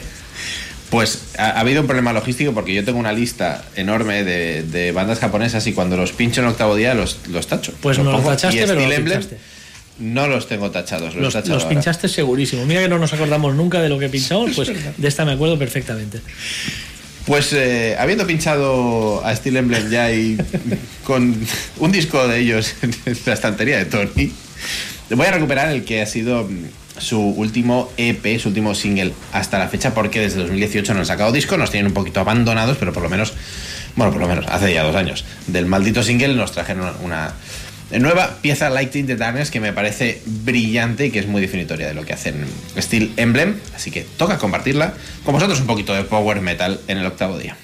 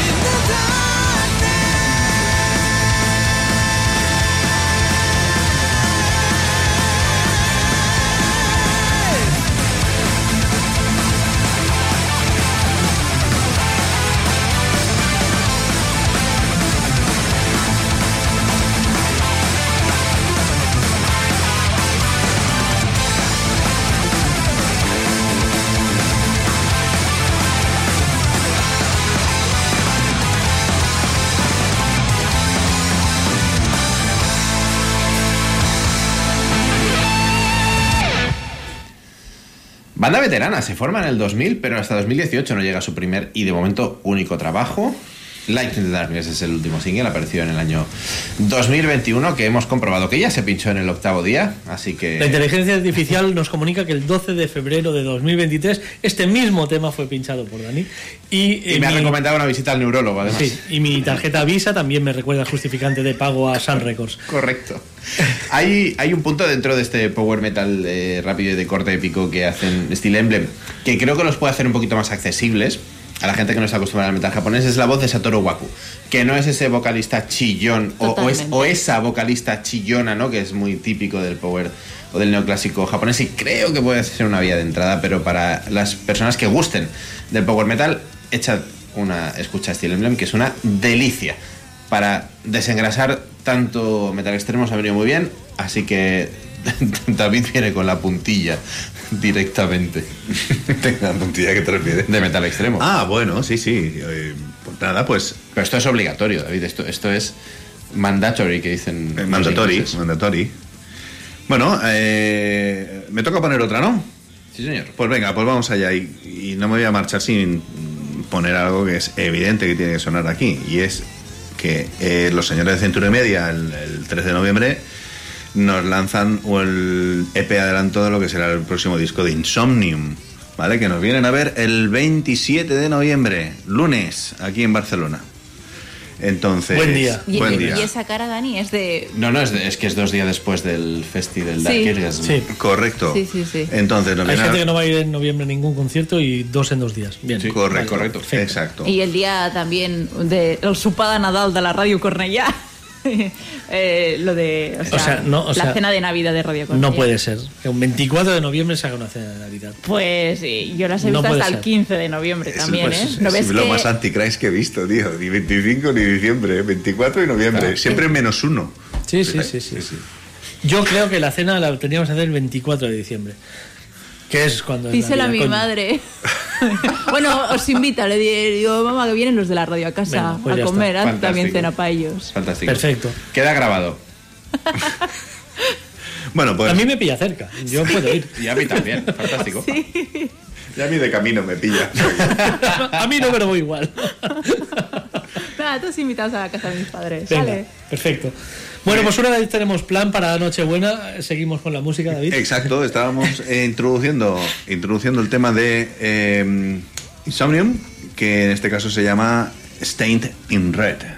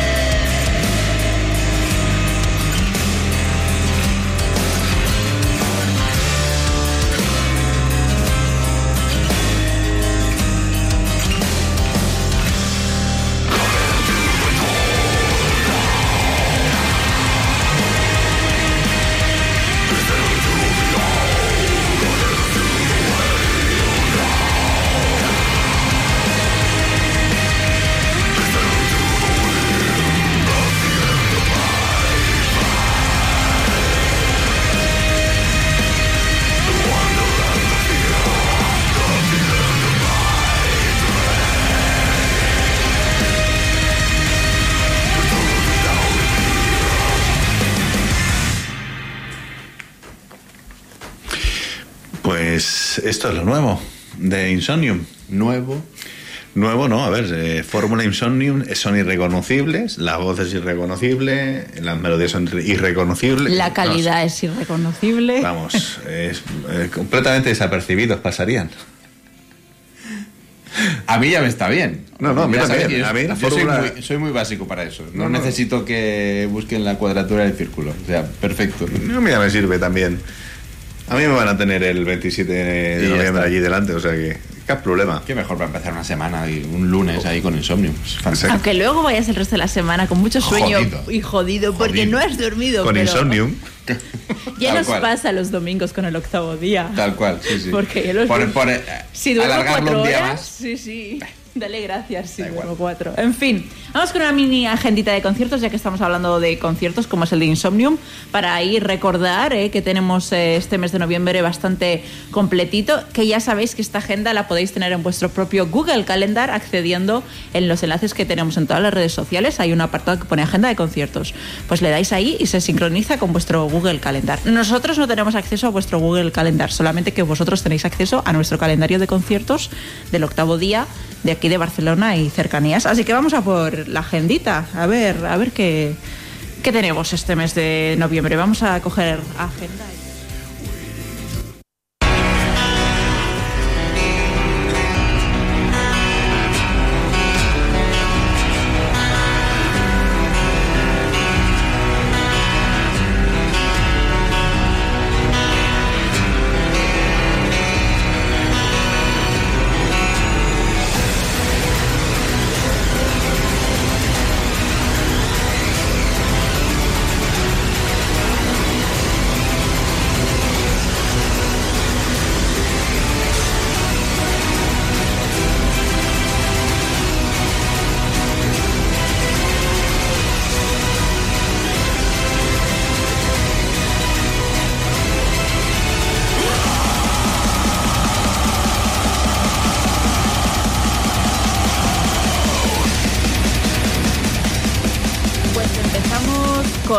Mismo, lunes día 13, Chris Young, Peace, Defeating God y Triangon en la sala bóveda.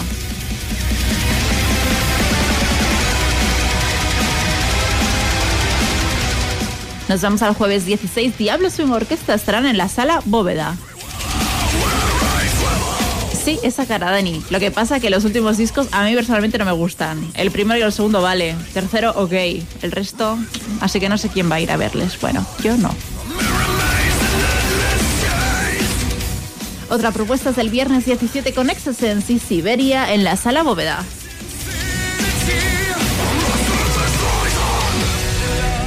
Sábado 18, Cherokee y Crash Bones en el Spy 13-14 de Rubí.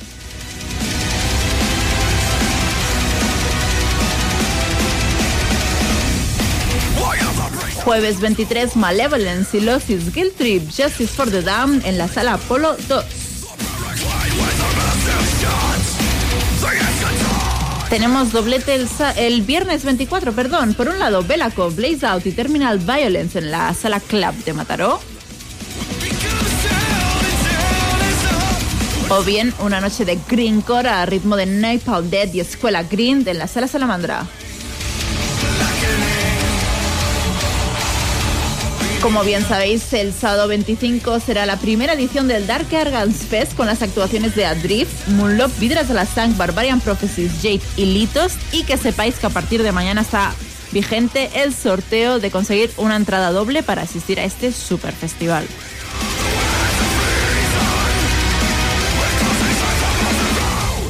Y sí, el lunes 27 estaremos en la sala Razmataz 2 viendo a Insomnium in Morning y Kvaen.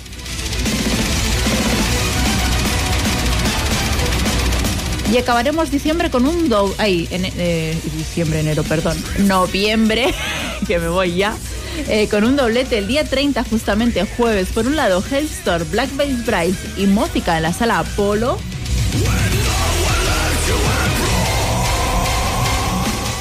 Y por otro, Azagal y Happy Days y Empty en las salas Zoe del Hospitalet.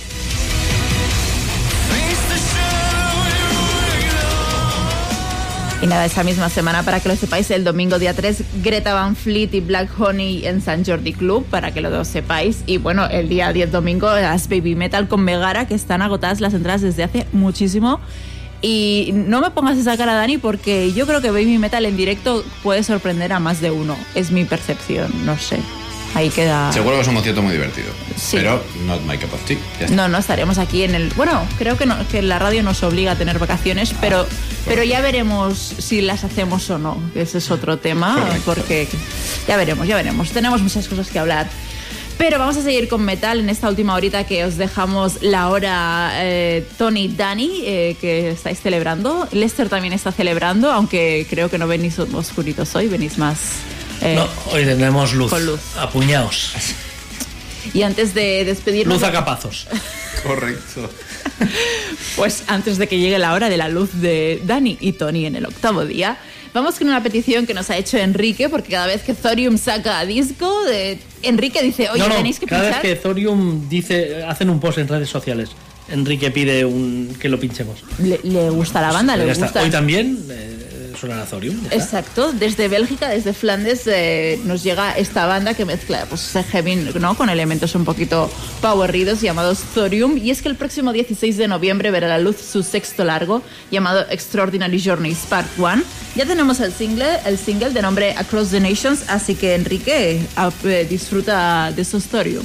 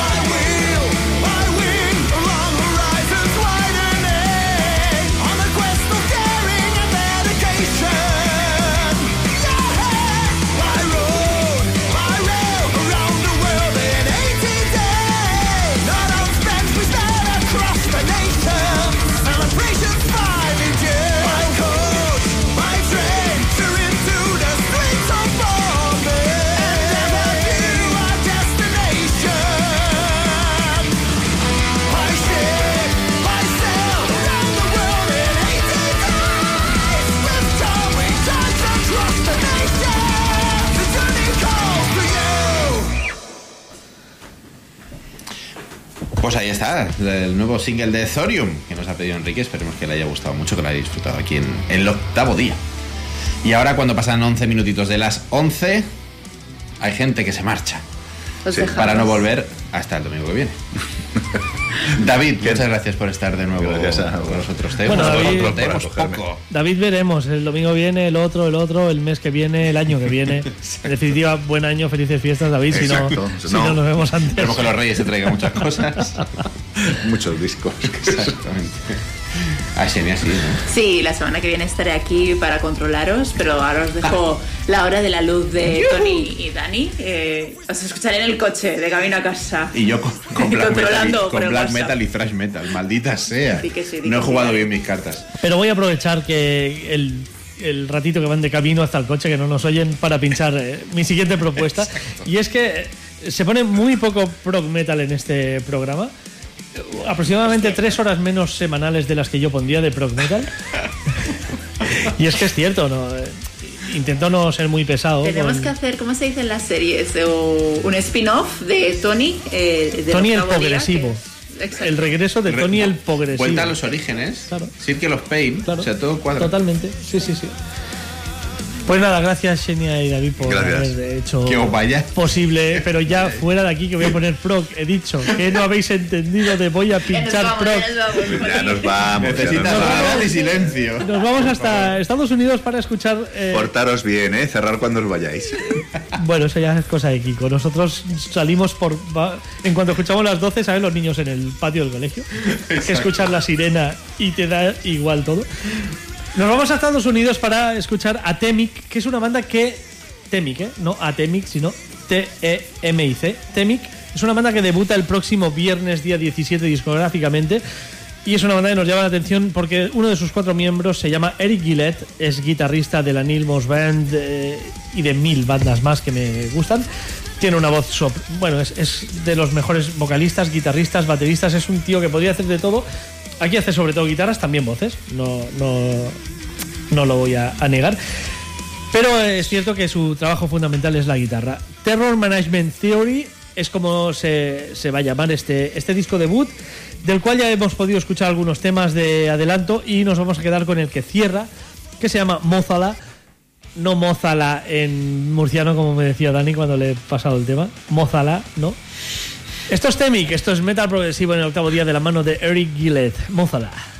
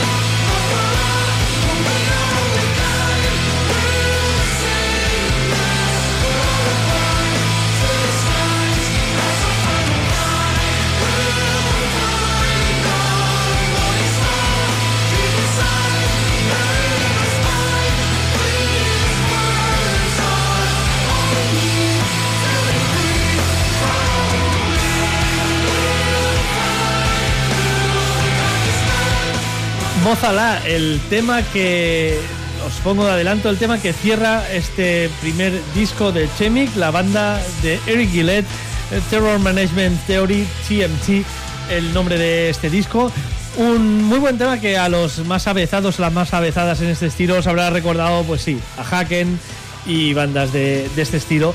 La verdad es que tiran bastante por ese terreno.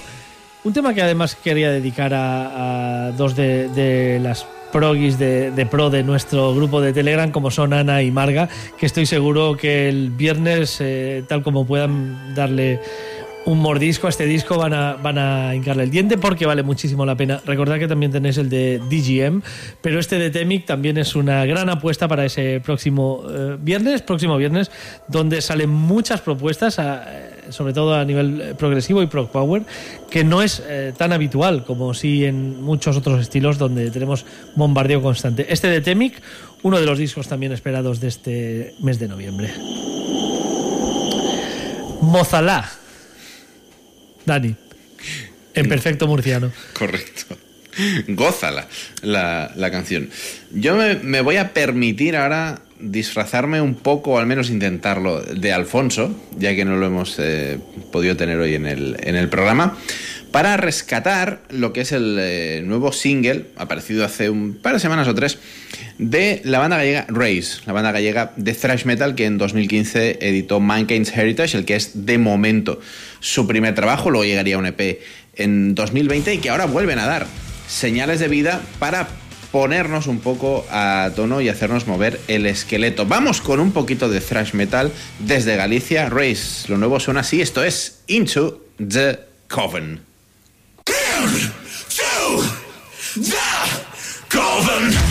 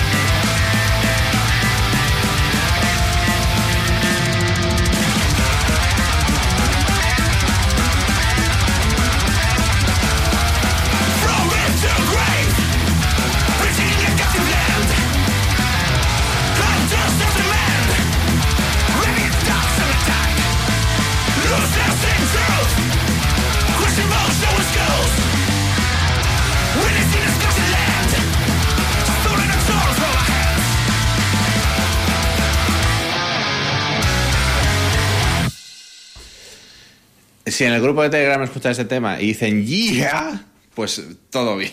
Entonces, exacto, Into the Coven. No sé qué pasa en eh, España, no ahora, tradicionalmente con el thrash metal, pero maldita sea. Correcto. Qué bien se sí, nos sí, da aquí esto, ¿eh? Es un, es un estilo que se, que se trabaja bien, sí, ciertamente. Sí, sí. Yo desconocía por completo estos rays, ¿eh? Son, de hecho, para más señas, de Aspontes de García Rodríguez. Desconozco la localidad, me vais a perdonar. Pero caray, para quienes gusten de un poquito de zapatilla, este thrash, heavy thrash, eh, me- ha parecido fantástico. Un sonido clasicote, evidentemente. Tenemos claras las raíces de, de su música. Pero joder, qué nivel. Esto, insisto, es solo un single. Y no conozco el disco de Mankind's Heritage de 2015, pero han conseguido que ponga el, foco sobre ellos para ver qué es lo nuevo que nos van a proponer. Pues me ha parecido fantástico. De Suspiria Records, por cierto, que a alguno le sonará. Eh, pues si no recuerdo mal, con, con Mark, que siempre está muy al loro de estas cosas, había traído algo de este sello que se dedica sobre todo pues, al, al thrash metal. Así que atención a esta propuesta de Race, R-A-Z-E. Me ha parecido fantástico.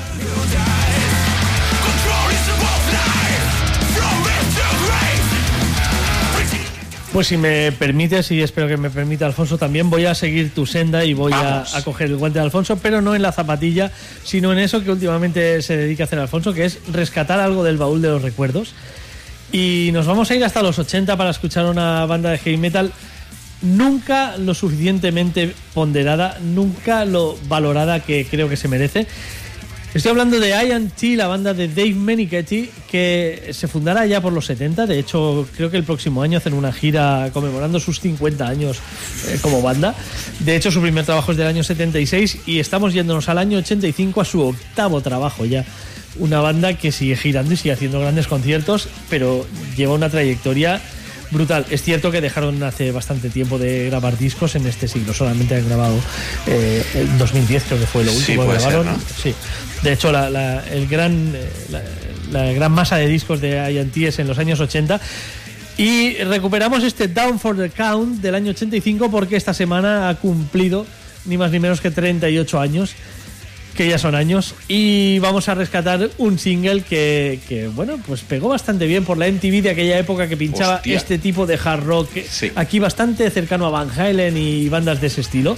En esta época de I&T han tenido épocas de más heavy más hard rock. En este caso ya digo suena muy a Van Halen este disco por lo menos a mí me, me sonaba a eso cuando lo escuchábamos en aquella tierna juventud. Down for the Count desde él nos quedamos con Summertime Girls. I&T Just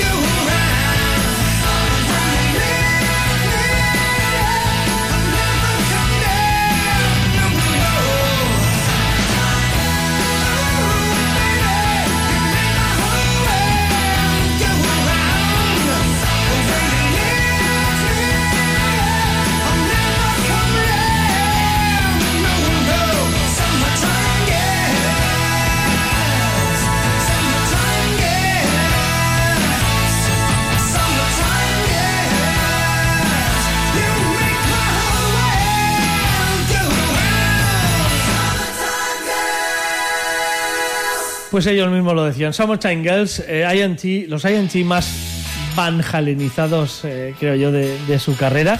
Con un Dave Menichetti emulando a Dave Lee Roth a ratos, incluso en este, en este tema. Un tema que funcionó muy bien, como digo, el single y el, y el videoclip.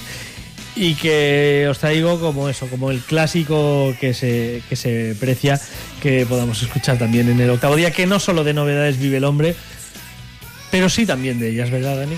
De hecho, de una de ellas eh, va a seguir viviendo el octavo día hoy mismo. Aunque en esta ocasión nos vamos a ir a una banda que no es clásica, pero que es sobradamente conocida en el mundo del heavy power metal. Y no diría que por un gusto unánime de los seguidores del heavy power metal. Porque es una banda que hace un, un power metal un poquito sui generis. Hablo de los británicos Dragon Force, que tienen su puntito. Por eso, que van a volver en el año 2024. Recordamos que el Extreme Power Metal es ya del 2019. O sea, se van a ir a cinco años de lapso entre un disco y el eh, otro. Un nuevo disco con eh, Mark Hudson a las voces, que creo que está teniendo algo que ver un poquito en, en cierta deriva, sobre todo letrística y en cuanto a los temas que aborda la banda, porque ya sabéis que Mark Hudson es un eh, fricazo de cuidado. Su nuevo trabajo se llama Warp Speed Warriors y aparecerá en marzo. Pero, y esto creo que lo hemos comentado alguna vez, Tony, en el octavo día, aparecerá en marzo, pero ya hemos, ya tenemos single. Sí, muy Eh, pronto. Muy pronto, exactamente. Pero quería traerlo porque es algo que me ha tocado un poco el corazoncito. El single se llama Power of the Tree Force. Y para los que hemos crecido jugando a los videojuegos, y de hecho seguimos jugando a los videojuegos de The Legend of Zelda, que es de lo que va todo esto, nos ha hecho mucha gracia. También tengo que decir que no es tanto un tema eh, que represente mi idea de lo que es o venía siendo Dragon Force y todavía tengo que hacerme una opinión si para bien o para mal. En cualquier caso, la nueva propuesta de los británicos, de nuevo con Mark Hudson a las voces, suena así, Power of the Tree Force.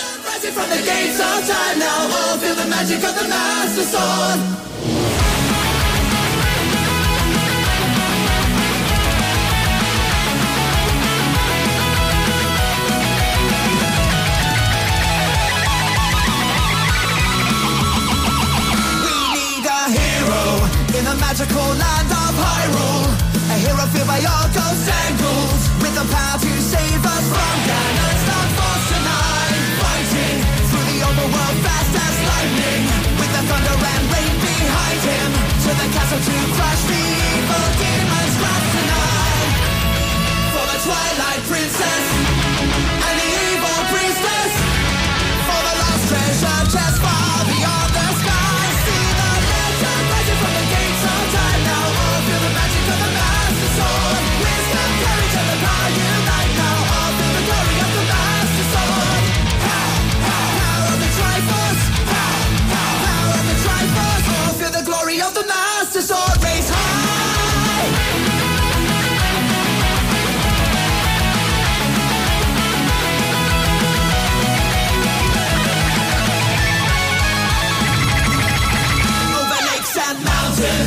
The hooves of our horses pounding, the cries of our enemies sounding, the numbers of the dead fire high in the fire of mystery. Raging with the magic hammer invading, break the chains of the seven maidens. Now the pyramids power destroyed by the lonely destiny. In the swamp of evil,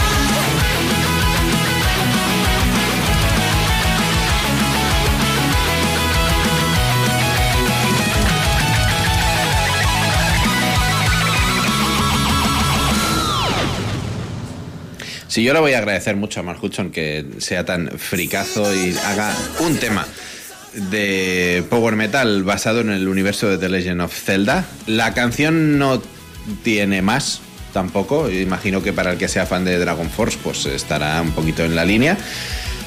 Soy Pero un no sé. gran fan del Power Metal y conecto cero con Dragon Force de Sí. toda la vida. ¿eh? Sí, No- sí, me, no- me ha pasado un, un poquito igual. He traído esto pues, por el tema de, de Irule, del Zelda y tal igual. Eh, más allá de los momentos de guitarreo o, incluso de algunas notas que, meten ahí, yo tengo el recuerdo de unos Dragon Force muchísimo más pasados de rosca, incluso en el último trabajo, ¿no? Eh, Era toda una declaración de intenciones, lo de Extreme Power Metal.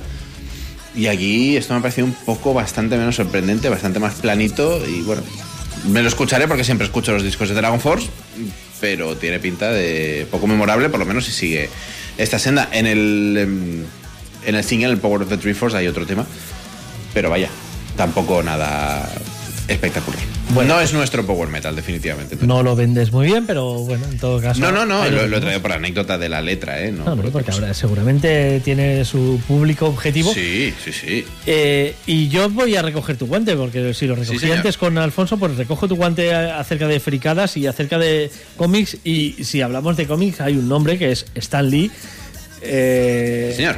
Es, eh, bueno, todo el mundo ha oído hablar, incluso si no te gustan los cómics, todo el mundo sabe quién es Stan Lee. y hoy, 12 de noviembre, hace exactamente 5 años que dejaba este mundo. A Stan Lee se le ha venerado en vida, se le ha bueno, se le han hecho homenajes en vida y también eso lo vamos a hacer en muerte, claro que Así sí. es. Se le han hecho desde el mundo del cine, del cual él era un gran amante y en el cual participó en algunas de mis pelis favoritas, como Mallrats, por ejemplo, sin ir más lejos Sí, señor. donde Sí, hace un cameo. O bueno, o en la música, donde muchas bandas le han dedicado temas, si no a él, eh, sí a, a algunos de, de Sus su- creaciones. sus creaciones. Como por ejemplo, Drowning Pool, por ejemplo, tenía un tema que era Daredevil. Y, y, por ejemplo, Frenzy, que tiene un tema llamado Hulk también, que habla sobre el increíble Y Hulk. ya está. En este caso nos quedamos eh, terreno patrio, un tema que ya pinchaste tú, Dani, hace un tiempo. Y es que Guadaña tienen un tema dedicado a Thor. Sí, señor. Al Thor de Stan Lee, además. Correcto. No al dios Thor ni a la mitología No, nórdica, no, no. sino al dios de Stan Al de los cómics de Marvel. Un grandísimo tema con el cual eh, celebramos la- lo que fue la vida de Stan Lee, que nos dejase hoy hace cinco años. Os dejamos con Thor, con Guadaña.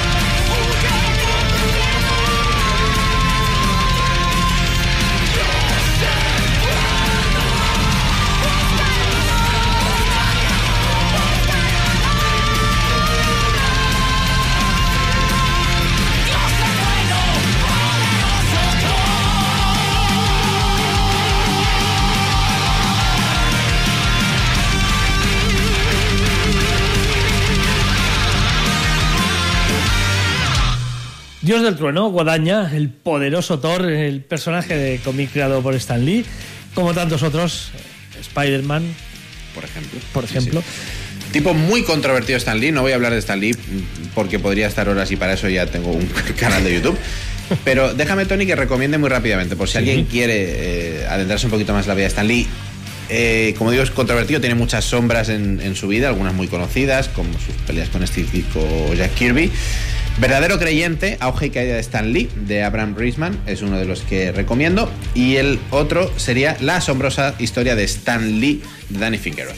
O sea, le interesa, ahí los tiene. Fantástico. Y, y yo ya os he dicho la, la, la filmografía que os recomiendo, con lo cual tenéis ahí un, un amplio espectro de, de información sobre esta. Por cierto, este tema de Guadaña, eh, os recomiendo siempre ver el, el videoclip porque es un tema hecho para denunciar el acoso escolar. Eh, lo cual está realmente muy bien. Uno Guadaña que según ha descubierto Tony van a tocar en Lisboa. Sí, van a tocar en un festival en Lisboa y yo, claro, enamorado como me hallo de esa ciudad, he pensado para allá que voy a ese festival y bueno, es, es- el festival es un día, tres grupos donde Guadaña es el cabeza de cartel Correcto. y dos grupos que no conozco de nada, no tengo el gusto, no sé, quién sabe. Vete a saber. Vete a saber, vete a saber. Pasa que no es en la, no es en una zona de Lisboa que digas ahí es donde Quiero estar. bueno, no, no es la zona que, que mejor conozco de Lisboa, pero bueno, todo se, todo se puede mirar. Totalmente. Celebramos que a Guadaña les vaya bien, Sin duda. celebramos que Glory esté recuperada de- Correcto. De, su percance Sí, sí. y adelante siempre. Sí, sí. Estamos llegando al final, Dani, ¿qué tienes para ir cerrando? Voy a ir muy muy rápido porque hace unas semanas celebrábamos aquí en el octavo día la vuelta de Versalles, de material nuevo de Versalles, y comentábamos que cuando Camillo eh, se marchó, hizo ese proyecto paralelo, la banda Versalles eh, adquirió, vamos a decirlo así, porque los términos contractuales son curiosos, a otro vocalista, Acuse, eh, y se formó bajo el nombre de Júpiter, que nos ha dado unos discazos descomunales y que hace eh, relativamente poquito editaron también un single nuevo, Breath of Heaven, un poquito más de power metal aquí en el octavo día.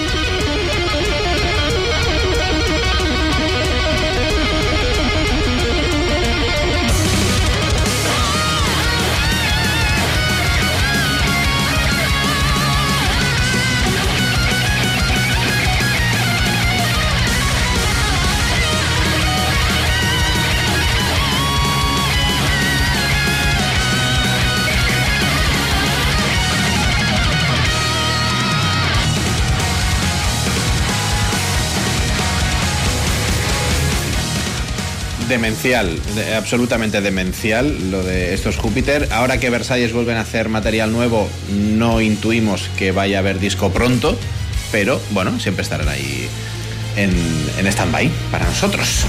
Así es, eh, mucho power metal en este final de programa. Vamos a acabar con algo que no es power metal. Dani, dale.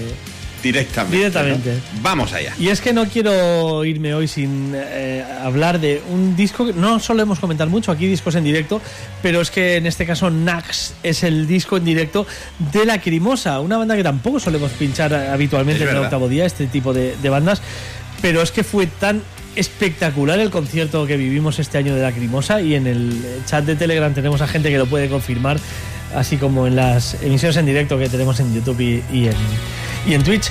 Eh, podéis confirmarlo y es que fue maravilloso, un concierto de Lacrimosa brutal con un setlist increíble, unas interpretaciones magistrales, un Tilo Wolf que se come el escenario solo con su presencia. Madre mía, qué maravilla. Maravilloso, fue un concierto absolutamente maravilloso y hemos tenido la suerte de que se ha plasmado en un directo. Nax es ese directo que nos eh, desgrana pues una tras otra las canciones que pudimos que pudimos disfrutar en esta en esta gira. Nos quedamos con Lieve Overleven, que es la que abre después de, de Lacrimosa Theme, que es siempre la, introducción a los conciertos. Este Lieve Overleven nos sirve hoy para eh, recomendaros este directo de Lacrimosa. Es una gran manera de acercarse a una banda mitiquísima además también, porque están todas las grandes canciones eh, muy bien interpretadas, con un gran momento de forma de los músicos. Así que tanto si eres de Lacrimosa como si, mira, has tenido alguna vez curiosidad, es un gran acercamiento este, este directo. Hasta aquí eh, te dejamos con él, eh, este octavo día, que esperamos hayas disfrutado en estas tres horas, Dani, y gracias por haber estado hasta el final. Desde luego, No sí. como otros, que huyen antes. Correcto. Mucho metal el domingo que viene, mucho más. Eso es, aquí nos encontraremos el próximo domingo a las 9 de la noche 104.6 de la FM. Ya sabéis que estamos en todas las redes sociales, en arroba el octavo día 8 y ese maravilloso canal de Telegram al que os invitamos a que os unáis. Última incorporación Adri, al que saludamos desde aquí, Sin duda. que se ha incorporado esta semana y nada, ya sabéis, seguimos eh, mucho metal en las ondas y en todos los lugares donde podamos llevarlo. Con Lacrimosa, Live Under Liven, Uberliven, perdón. Con ellos nos vamos. Buenas noches. Adiós.